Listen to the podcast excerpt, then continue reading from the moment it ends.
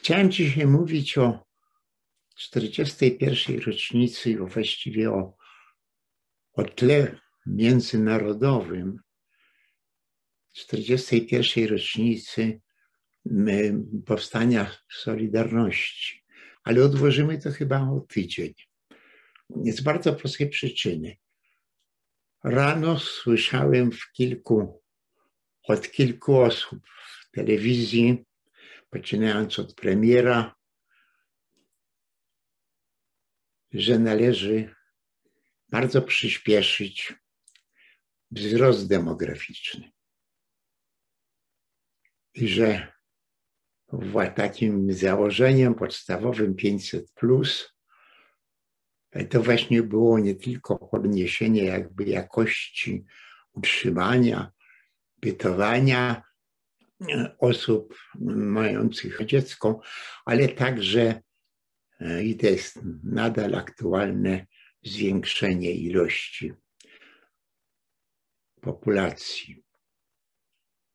Potem usłyszałem z innej, że tak powiem, e, opcji politycznej, potem usłyszałem jakąś panią posłankę, która właśnie opowiadała, e, że, że jest w tej chwili no, niedostateczny wzrost demograficzny i że ten wzrost demograficzny powoduje, zostaje spowodowany tym, że jest za mało mieszkań, że młodzi ludzie nie tylko jak mijają ten wiek, tam 20-20 par lat, ale nawet jak mijają 30 czy więcej, to mieszkają u rodziców, e, co ogranicza przyrost naturalny i tak dalej.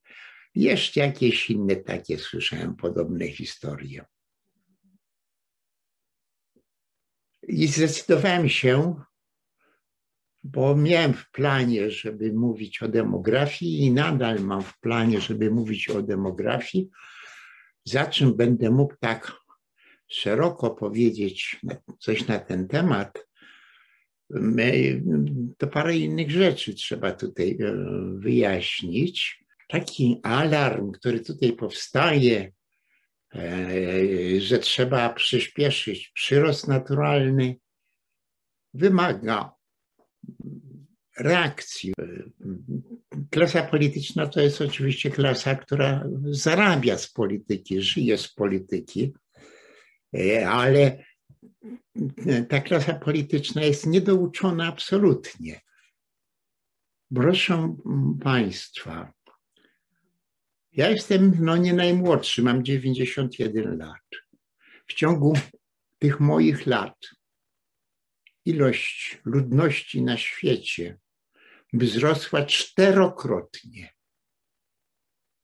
Wzrosła czterokrotnie w ciągu wieku jednego człowieka.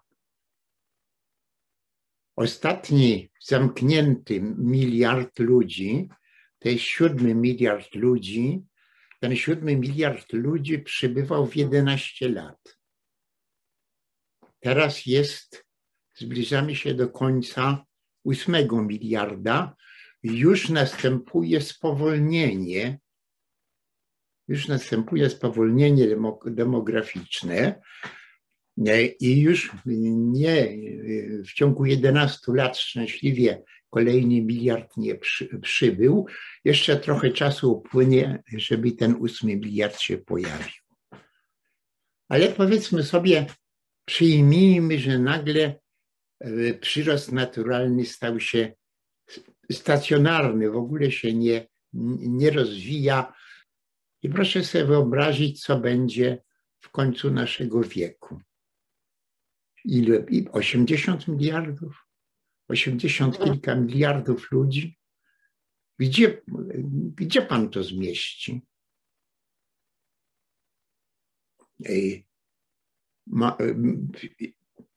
Świat rozwija się skokami.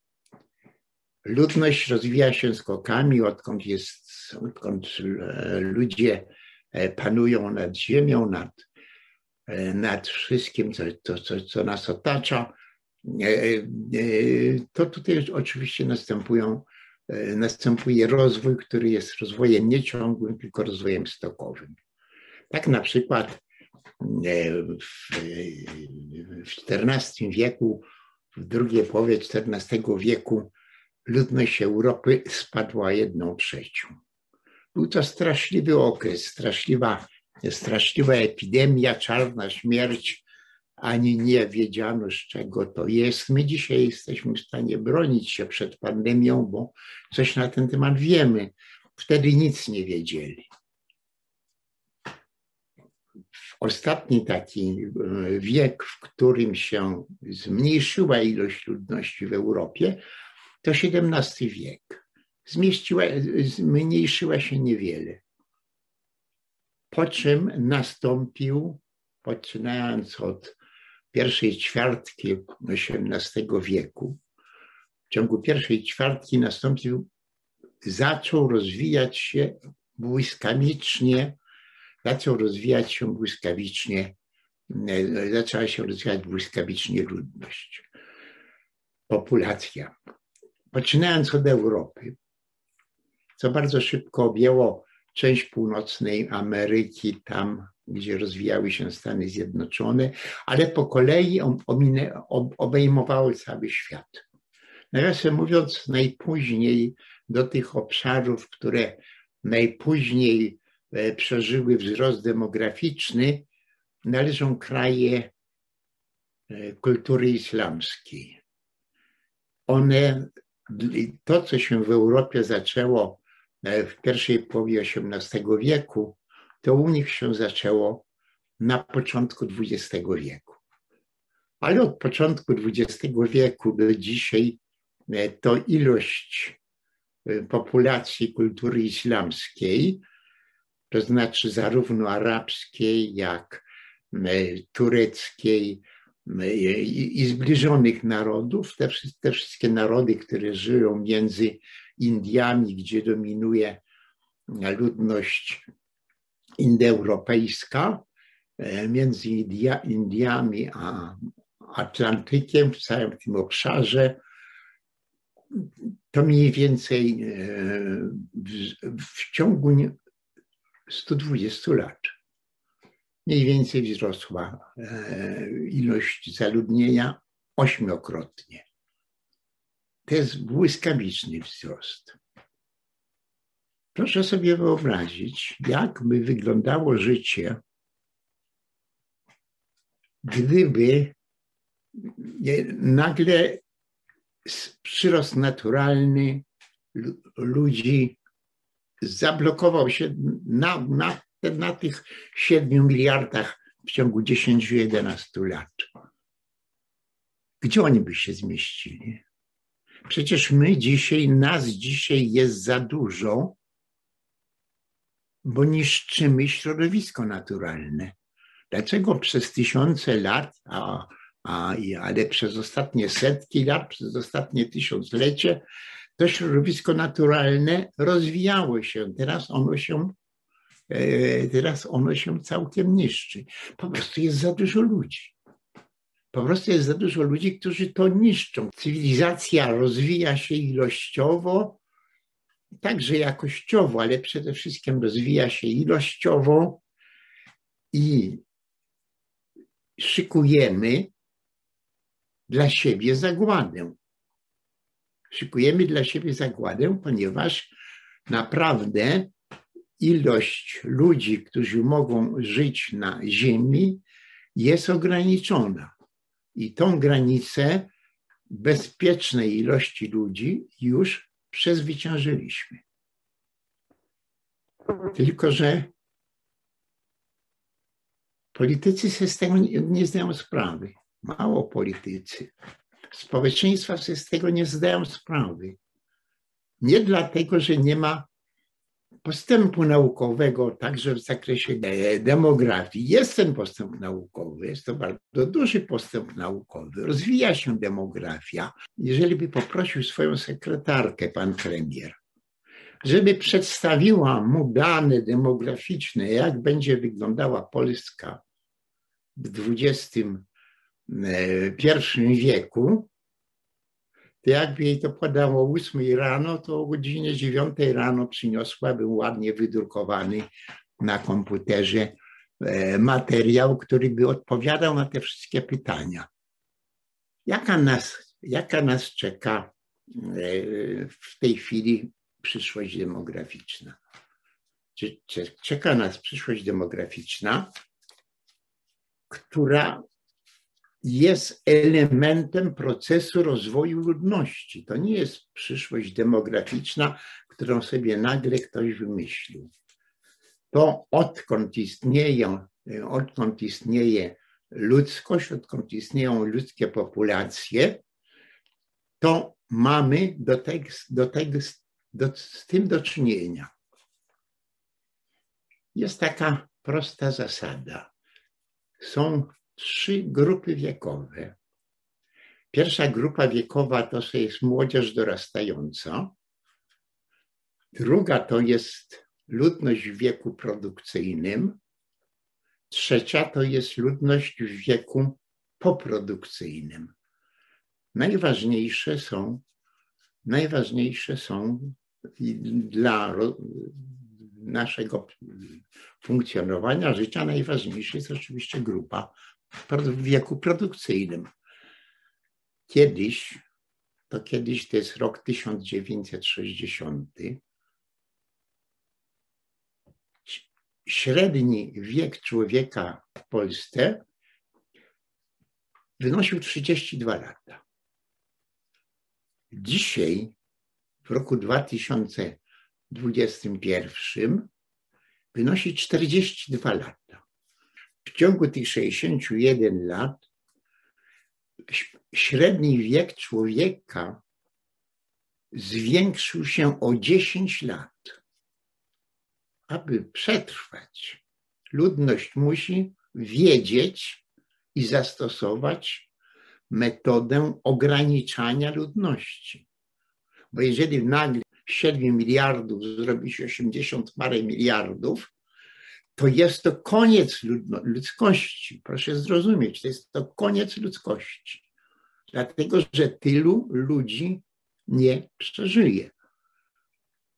W Polsce, tak samo jak gdzie indziej, społeczeństwo się starzeje. Starzejąc się coraz szybciej, to jest od tych 32 e, do tych 42 lat życia średniego wieku e, e, człowieka w Polsce, skąd bierze się taka bezczelność u nieuków, którzy mówią, zatrzymajmy ten proces. Natura zatrzymuje ten proces, Pan Bóg zatrzymuje ten proces. A do czego się nadają politycy, którzy nie potrafią tego zrozumieć? PiS bez przerwy mówi, rozwijać przyspieszenie populacyjne. Więcej ludzi, więcej ludzi, więcej ludzi. Bez przerwy. A co w tym czasie, a co w tym czasie nastąpiło? W roku 2015 w Polsce było 38 milionów ludzi a w roku 2050, to nie tak długo, w roku 2050 będzie ich 34,5 miliona. Prawdopodobnie. Być może jeszcze mniej, ale będzie następuje. Cały czas następuje proces zmniejsz, przy okrzykach przy okrzykach rodźcie jak najwięcej, dajemy wam pieniądze, kobiety, żebyście rodziły dzieci. Przecież to premier powiedział, powtórzył dzisiaj rano. Daliśmy pieniądze, daliśmy 500 plus, spodziewaliśmy się, że kobiety będą rodziły dzieci, a one coś tych dzieci nie chcą rodzić. Nie chcą? Chcą. Tylko chcą w tym rozmiarze, które albo plan Boga, albo jakiś automatyzm rozwojowy im narzuca. I teraz z, 30, z 38 do 34 w roku 2050. Ale dopiero wtedy, dopiero wtedy zacznie się naprawdę bardzo szybki spadek urodzin, wzrost śmiertelności. I te, i, te, I te procesy zaczną wtedy przebiegać szybciej. Ale do tych okresów mamy partię polityczną, która e, chce, żeby się Polska rozwijała gospodarczo, demograficznie e, i oni e, obliczają, że do roku 2050 to nam tylu ludzi przybędzie, a tyle fabryk, a, i tak dalej. W tym czasie ilość osób, które osiągną wiek emerytalny, ludność Polski będzie stopniowo nie wzrastać, będzie się stopniowo zmniejszać. Ale niezależnie od tego, że ta ludność Polski się będzie stopniowo zmniejszać, to blisko trzecia część, konkretnie mówiąc, według wyliczeń, takie wydarzenia jak pandemia przyspieszają te procesy i może te wyliczenia jeszcze tego nie całkiem obejmują, to według tych wyliczeń trzecia część, jedna trzecia część mieszkańców Polski będzie miała wiek powyżej 65 lat. Jedna trzecia. Teraz tak, jak ci ludzie przeżyją, jakie im emerytury damy? Instytut, Instytut Emerytur, który mamy w Polsce i który prowadzi jakieś badania, jest przerażony. No, szukają oni jakichś nowych rozwiązań. Wzrost w tych latach najbliższych to jest wzrost ludzi, którzy nie już wyszli z wieku, e, wyszli z wieku produkcyjnego, i co mamy z nimi zrobić? Rozstrzelać wszystkich? Nie, musimy im zapewnić życie. Żeby zapewnić życie, to jedna trzecia ludzi dorosłych w wieku powyżej 65 lat, to ta jedna trzecia będzie musiała skądś dostać pieniądze. Ale idźmy dalej. Są też ludzie poza wiekiem produkcyjnym, którzy jeszcze nie dorośli. W tej chwili, w tym czasie, dzisiaj, jest mniej więcej taka, jest mniej więcej równowaga. Ilość osób w wieku nieprodukcyjnym przed młodzież, dzieci i ilość osób w wieku poprodukcyjnym jest zbliżona. Mówiąc inaczej, mamy jeszcze to zabezpieczenie demograficzne, że ci ludzie dorastając w wieku, wkraczając w wiek produkcyjny, będą mogli, e, będą mogli utrzymywać tych starszych.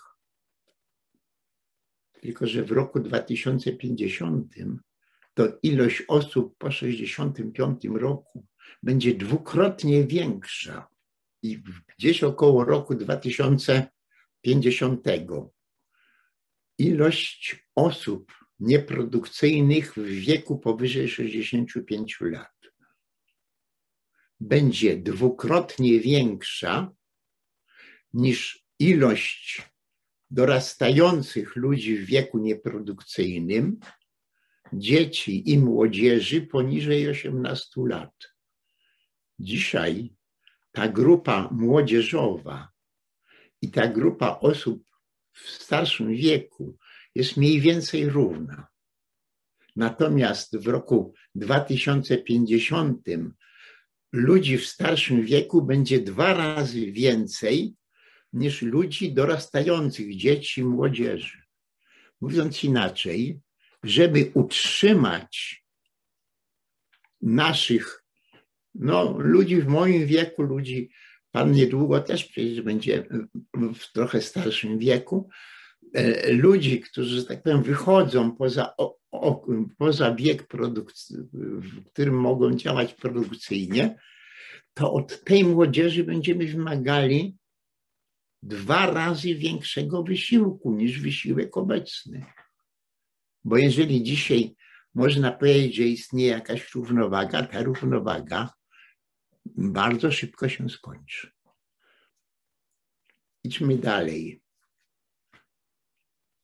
Czy chcemy, czy nie chcemy, czy będziemy dawali zamiast 500 plus, to będziemy dawali 500 tysiąc, albo 2 tysiące, albo 5 tysięcy.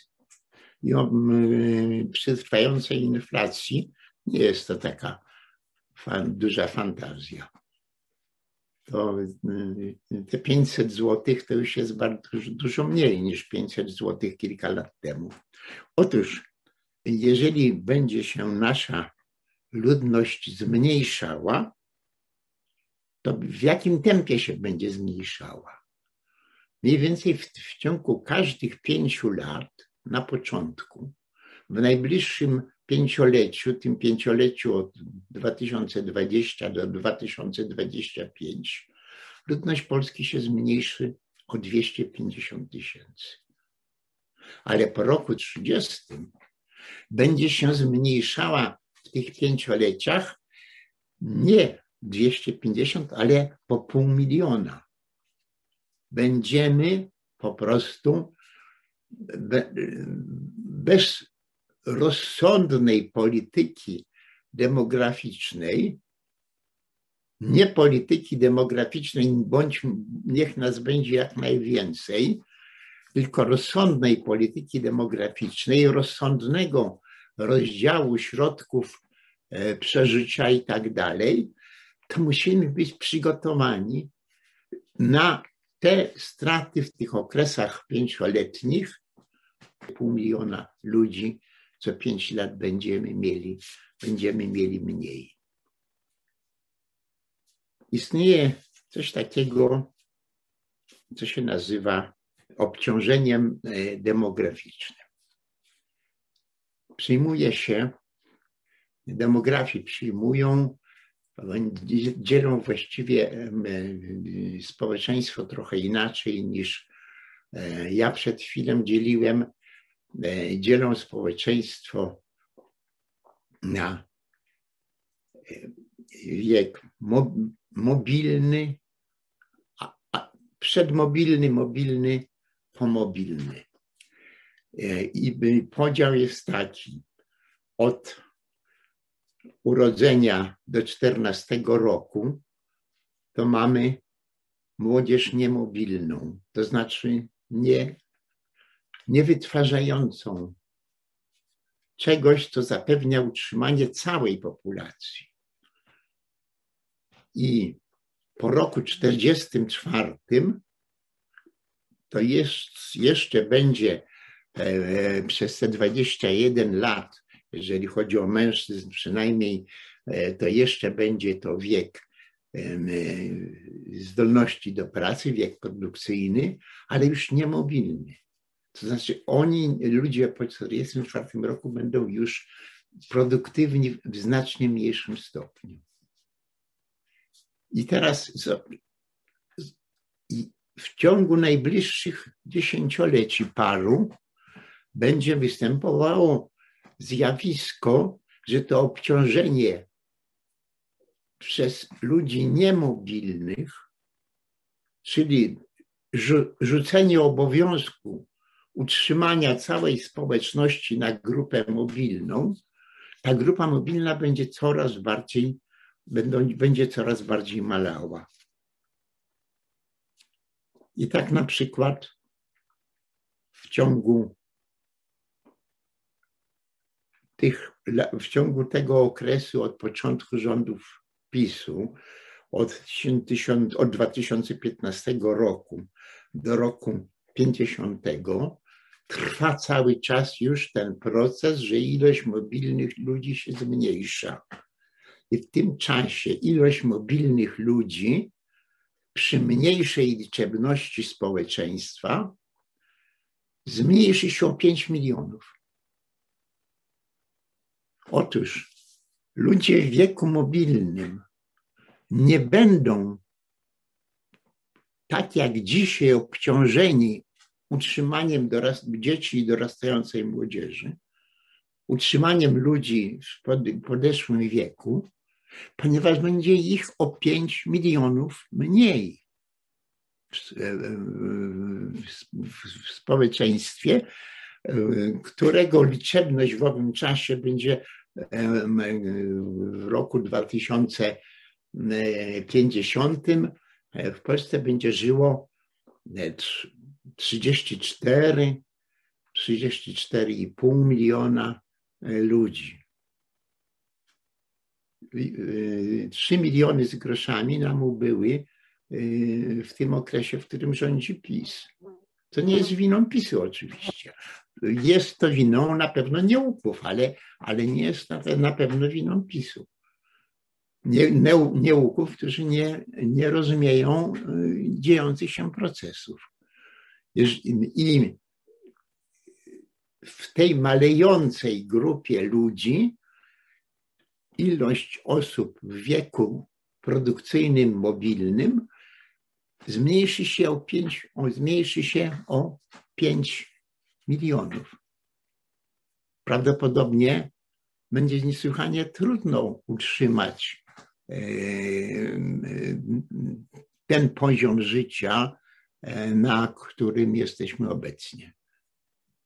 Na 100 osób będzie 50 osób w wieku poprodukcyjnym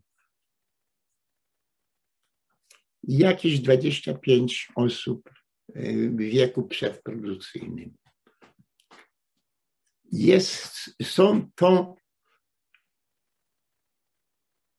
dane w istocie niepodważalne. One mogą być podważalne w szczegółach, na przykład pandemia, e, którą jeszcze mamy, e, zwiększyła śmiertelność do końca nie wiemy, w jakim stopniu zwiększyła tą śmiertelność, w jakich krajach więcej, w jakich krajach mniej. Także wszystkie prognozy demograficzne obciążone są tym błędem, że może się coś takiego wydarzyć, co spowoduje, że albo się trochę spowolni, albo przyspieszy, nawet znacznie przyspieszą się procesy. Także tutaj nie, nie, nie, nie obracamy się w wartościach, które są wartościami 100% pewnymi. One są zbliżone po prostu do, zbliżone do prawdy. I teraz, jaka jest przyszłość Polski w tym najbliższym czasie, bo to jest naprawdę niedługi czas jak błyskawicznie nam minęły te pierwsze 20 lat XXI wieku. No a teraz mamy niecałe 30 lat, żeby do, do połowy tego wieku dotrzeć. Później będzie jeszcze gorzej, jeszcze szybciej będzie, że tak powiem, spadała, spadał proces ludności, e, ilość ludności. Otóż jak wygląda ta gospodarka, o której marzą dzisiaj politycy.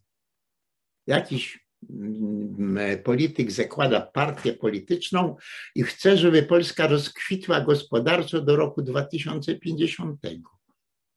Ona nie rozkwitnie gospodarczo do roku 2050, ponieważ nam wzrost produkcji jest niepotrzebny.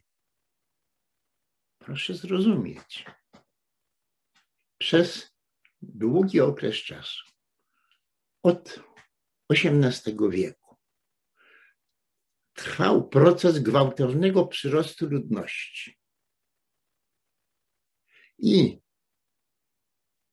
w ślad za tym procesem gwałtownego przyrostu ludności szło, szła produkcja środków przeżycia dla tych ludzi. Gospodarka w tym czasie, e, w tym XVIII, XIX, XX wieku, to już mamy 300 lat, w ciągu tych 300 lat gospodarka musiała zapew- ekonomia musiała zapewnić życie tej wzrastającej ilości ludzi.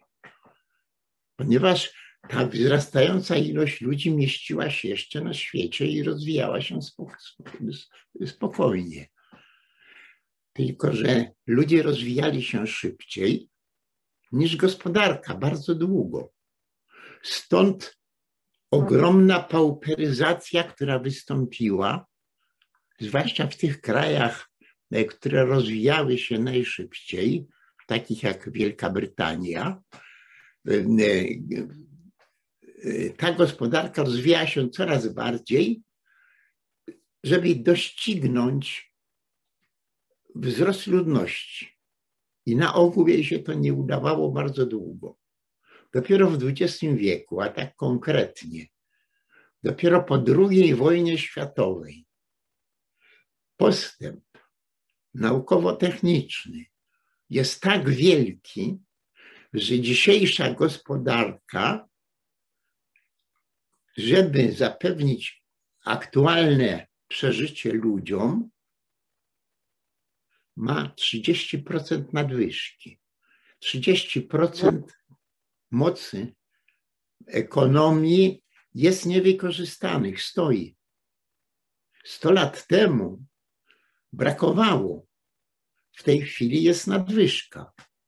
I teraz, jeżeli stawiamy pro, proces i, i marzymy o tym, e, że rozwiniemy naszą produkcję do roku 2050, to jest to nonsens. Po pierwsze, będzie mniej ludzi, a po drugie, gdyby nawet ilość ludzi została w jakiś sposób ustabilizowana, gdyby one, oni się nie, ta populacje się nie zmniejszały, to ta gospodarka już jest dzisiaj za duża. Kto najbardziej ucierpi? Najbardziej ucierpią te kraje, które mają najbardziej rozwinięte najbardziej rozwiniętą produkcję środków przeżycia. One mają bardzo duże nadwyżki, już nie wiedzą, co z nimi zrobić. Stosowane są rozmaite metody, przede wszystkim sztucznie się, sztucznie się zwiększa popyt, który bardzo, ten sztuczny popyt E, bardzo z trudem, że tak powiem, goni podaż, e, czyli dostarczanie, e, dostarczanie środków, dostarczanie na rynek. I już takie, takie szkoły ekonomiczne, które w tej chwili święcą, że tak powiem, swoje szczyty, to, to zostaną uduszone same przez siebie, przez ponadprodukcję. Od czasu do czasu wybucha na świecie, poczynając od lat dwudziestych ubiegłego wieku, wtedy to się mniej więcej zaczęło, e, e, procesy nadprodukcji. Ten proces nadprodukcji prowadzi do spadku produkcji, ale nie prowadzi do spadku środków, narzędzi produkcji. Ilość fabryk, zakładów i tak dalej w najlepszym wypadku jest ustabilizowana. Na ogół jeszcze one się rozwijają. Naukowe wprowadzanie naukowych rozwiązań do ekonomiki przyspiesza ten proces. Wyobraźmy sobie, że, że, że, że, że zautomatyzujemy to wszystko, to będziemy mogli produkować dowolną ilość, dowolną ilość towarów, bo nie będą one zależały od ilości ludzi. Będą zależały od ilości ludzi, ponieważ będzie ich za dużo. I i, I, to myślenie, które, nabyli, które nabyliśmy, które przede wszystkim nabyli politycy, ale nabyli także liczni ludzie działający w granicach nauk społecznych, najprzeróżniejszego rodzaju nauk społecznych, to nabyliśmy takiego przyzwyczajenia, że trzeba rozwijać gospodarkę. Gospodarka musi być rozwojowa. Jakby to powiedzieć ludziom w połowie XIV wieku, kiedy szalała czarna śmierć, produkujcie coraz więcej, a my będziemy zakopywać tych, co umarli. Oni, oni rozumieli, że po czarnej śmierci nastąpił renesans.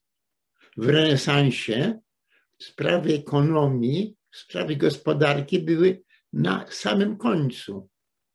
Kultura, nauka, sztuka, nauka nie ekonomiczna, to się rozwijało. Renesans się rozwijał, ilość ludzi zmalała i, i jakościowy postęp nastąpił. Ilość ludzi w Europie zmalała o jedną trzecią, po czym rozwinął się ten skok jakościowy, ogromny skok jakościowy renesansu, który podniósł warunki bytowania ludzi na wyżyny. Z czasem, niestety po trudnym okresie, z czasem przyjdzie to samo. Prawdopodobnie może już to się zacznie w drugiej połowie naszego stulecia. Zacznie się to samo. To znaczy, zacznie, spadnie i zaludnienie, nie będą potrzebne, nie będzie potrzebna produkcja środków takiego brutalnego, prymitywnego przeżycia, ponieważ ilość ludzi będzie mniejsza i to znacznie mniejsza. I wtedy będziemy mogli rozwijać się, ludzkość będzie się mogła rozwijać nie po to, żeby przeżyć, ale po to, żeby żyć w nieporównanie lepszych warunkach, żeby stać się znacznie rozsądniejszym, e, znacznie bardziej oświeconym, znacznie bardziej wyczulonym na wszystko, na piękno, na muzykę, e, e, społeczeństwem, społecznościami. Taki oczywiście renesans nadejdzie, ale, ale my w tej chwili nie jesteśmy na progu tego nowego wielkiego renesansu. Jesteśmy na progu bardzo trudnego okresu, kiedy należy nie rozwijać środki produkcji, nie, nie szukać e, sukcesu e, w rozwoju gospodarczym, tylko w sposób inteligentny, przemyślany i tak dalej, hamować rozwój gospodarczy, ponieważ za duży rozwój gospodarczy, niezależnie od tego, że, że to się marnuje, już, już dzisiaj wiemy, ile się, widzimy, ile się marnuje. Marnuje się. E, są oczywiście społeczeństwa, gdzie brakuje żywności, ale są społeczeństwa, gdzie jedną trzecią, jedną, jedną e, a nawet e, jakieś 40% uzyskanej żywności wyrzuca się na śmietnik. To w tych, w tych, w tych bogatych krajach. Jeżeli, trzeba, trzeba, trzeba to wszystko wyrównać. Trzeba to poznać. Ja myślę, że w przyszłym miesiącu, we wrześniu, będę chciał e, w tych naszych rozmowach e, odejść może od historii i, i zająć się bardziej współczesnością. Właśnie zająć się kwestią, co to jest demografia, co to jest rozsądna polityka, jak, czego, czego wymagamy od polityków, czego przede wszystkim wymagamy od polityków, jak traktować, jak traktować tych ludzi, którzy są przez jednej strony ludźmi równymi, a z drugiej strony są ludźmi nierównymi. Jedni są mądrzy, drudzy są nie, nie bardzo mądrzy. Jedni E, jedni są oświeceni, drudzy są nieoświeceni. Demograf, warto jest tą demografią zająć się szerzej, ponieważ należy ją w pełni, w pełni ją należy rozumieć. Ja myślę, że do, do tej demografii jeszcze wrócimy.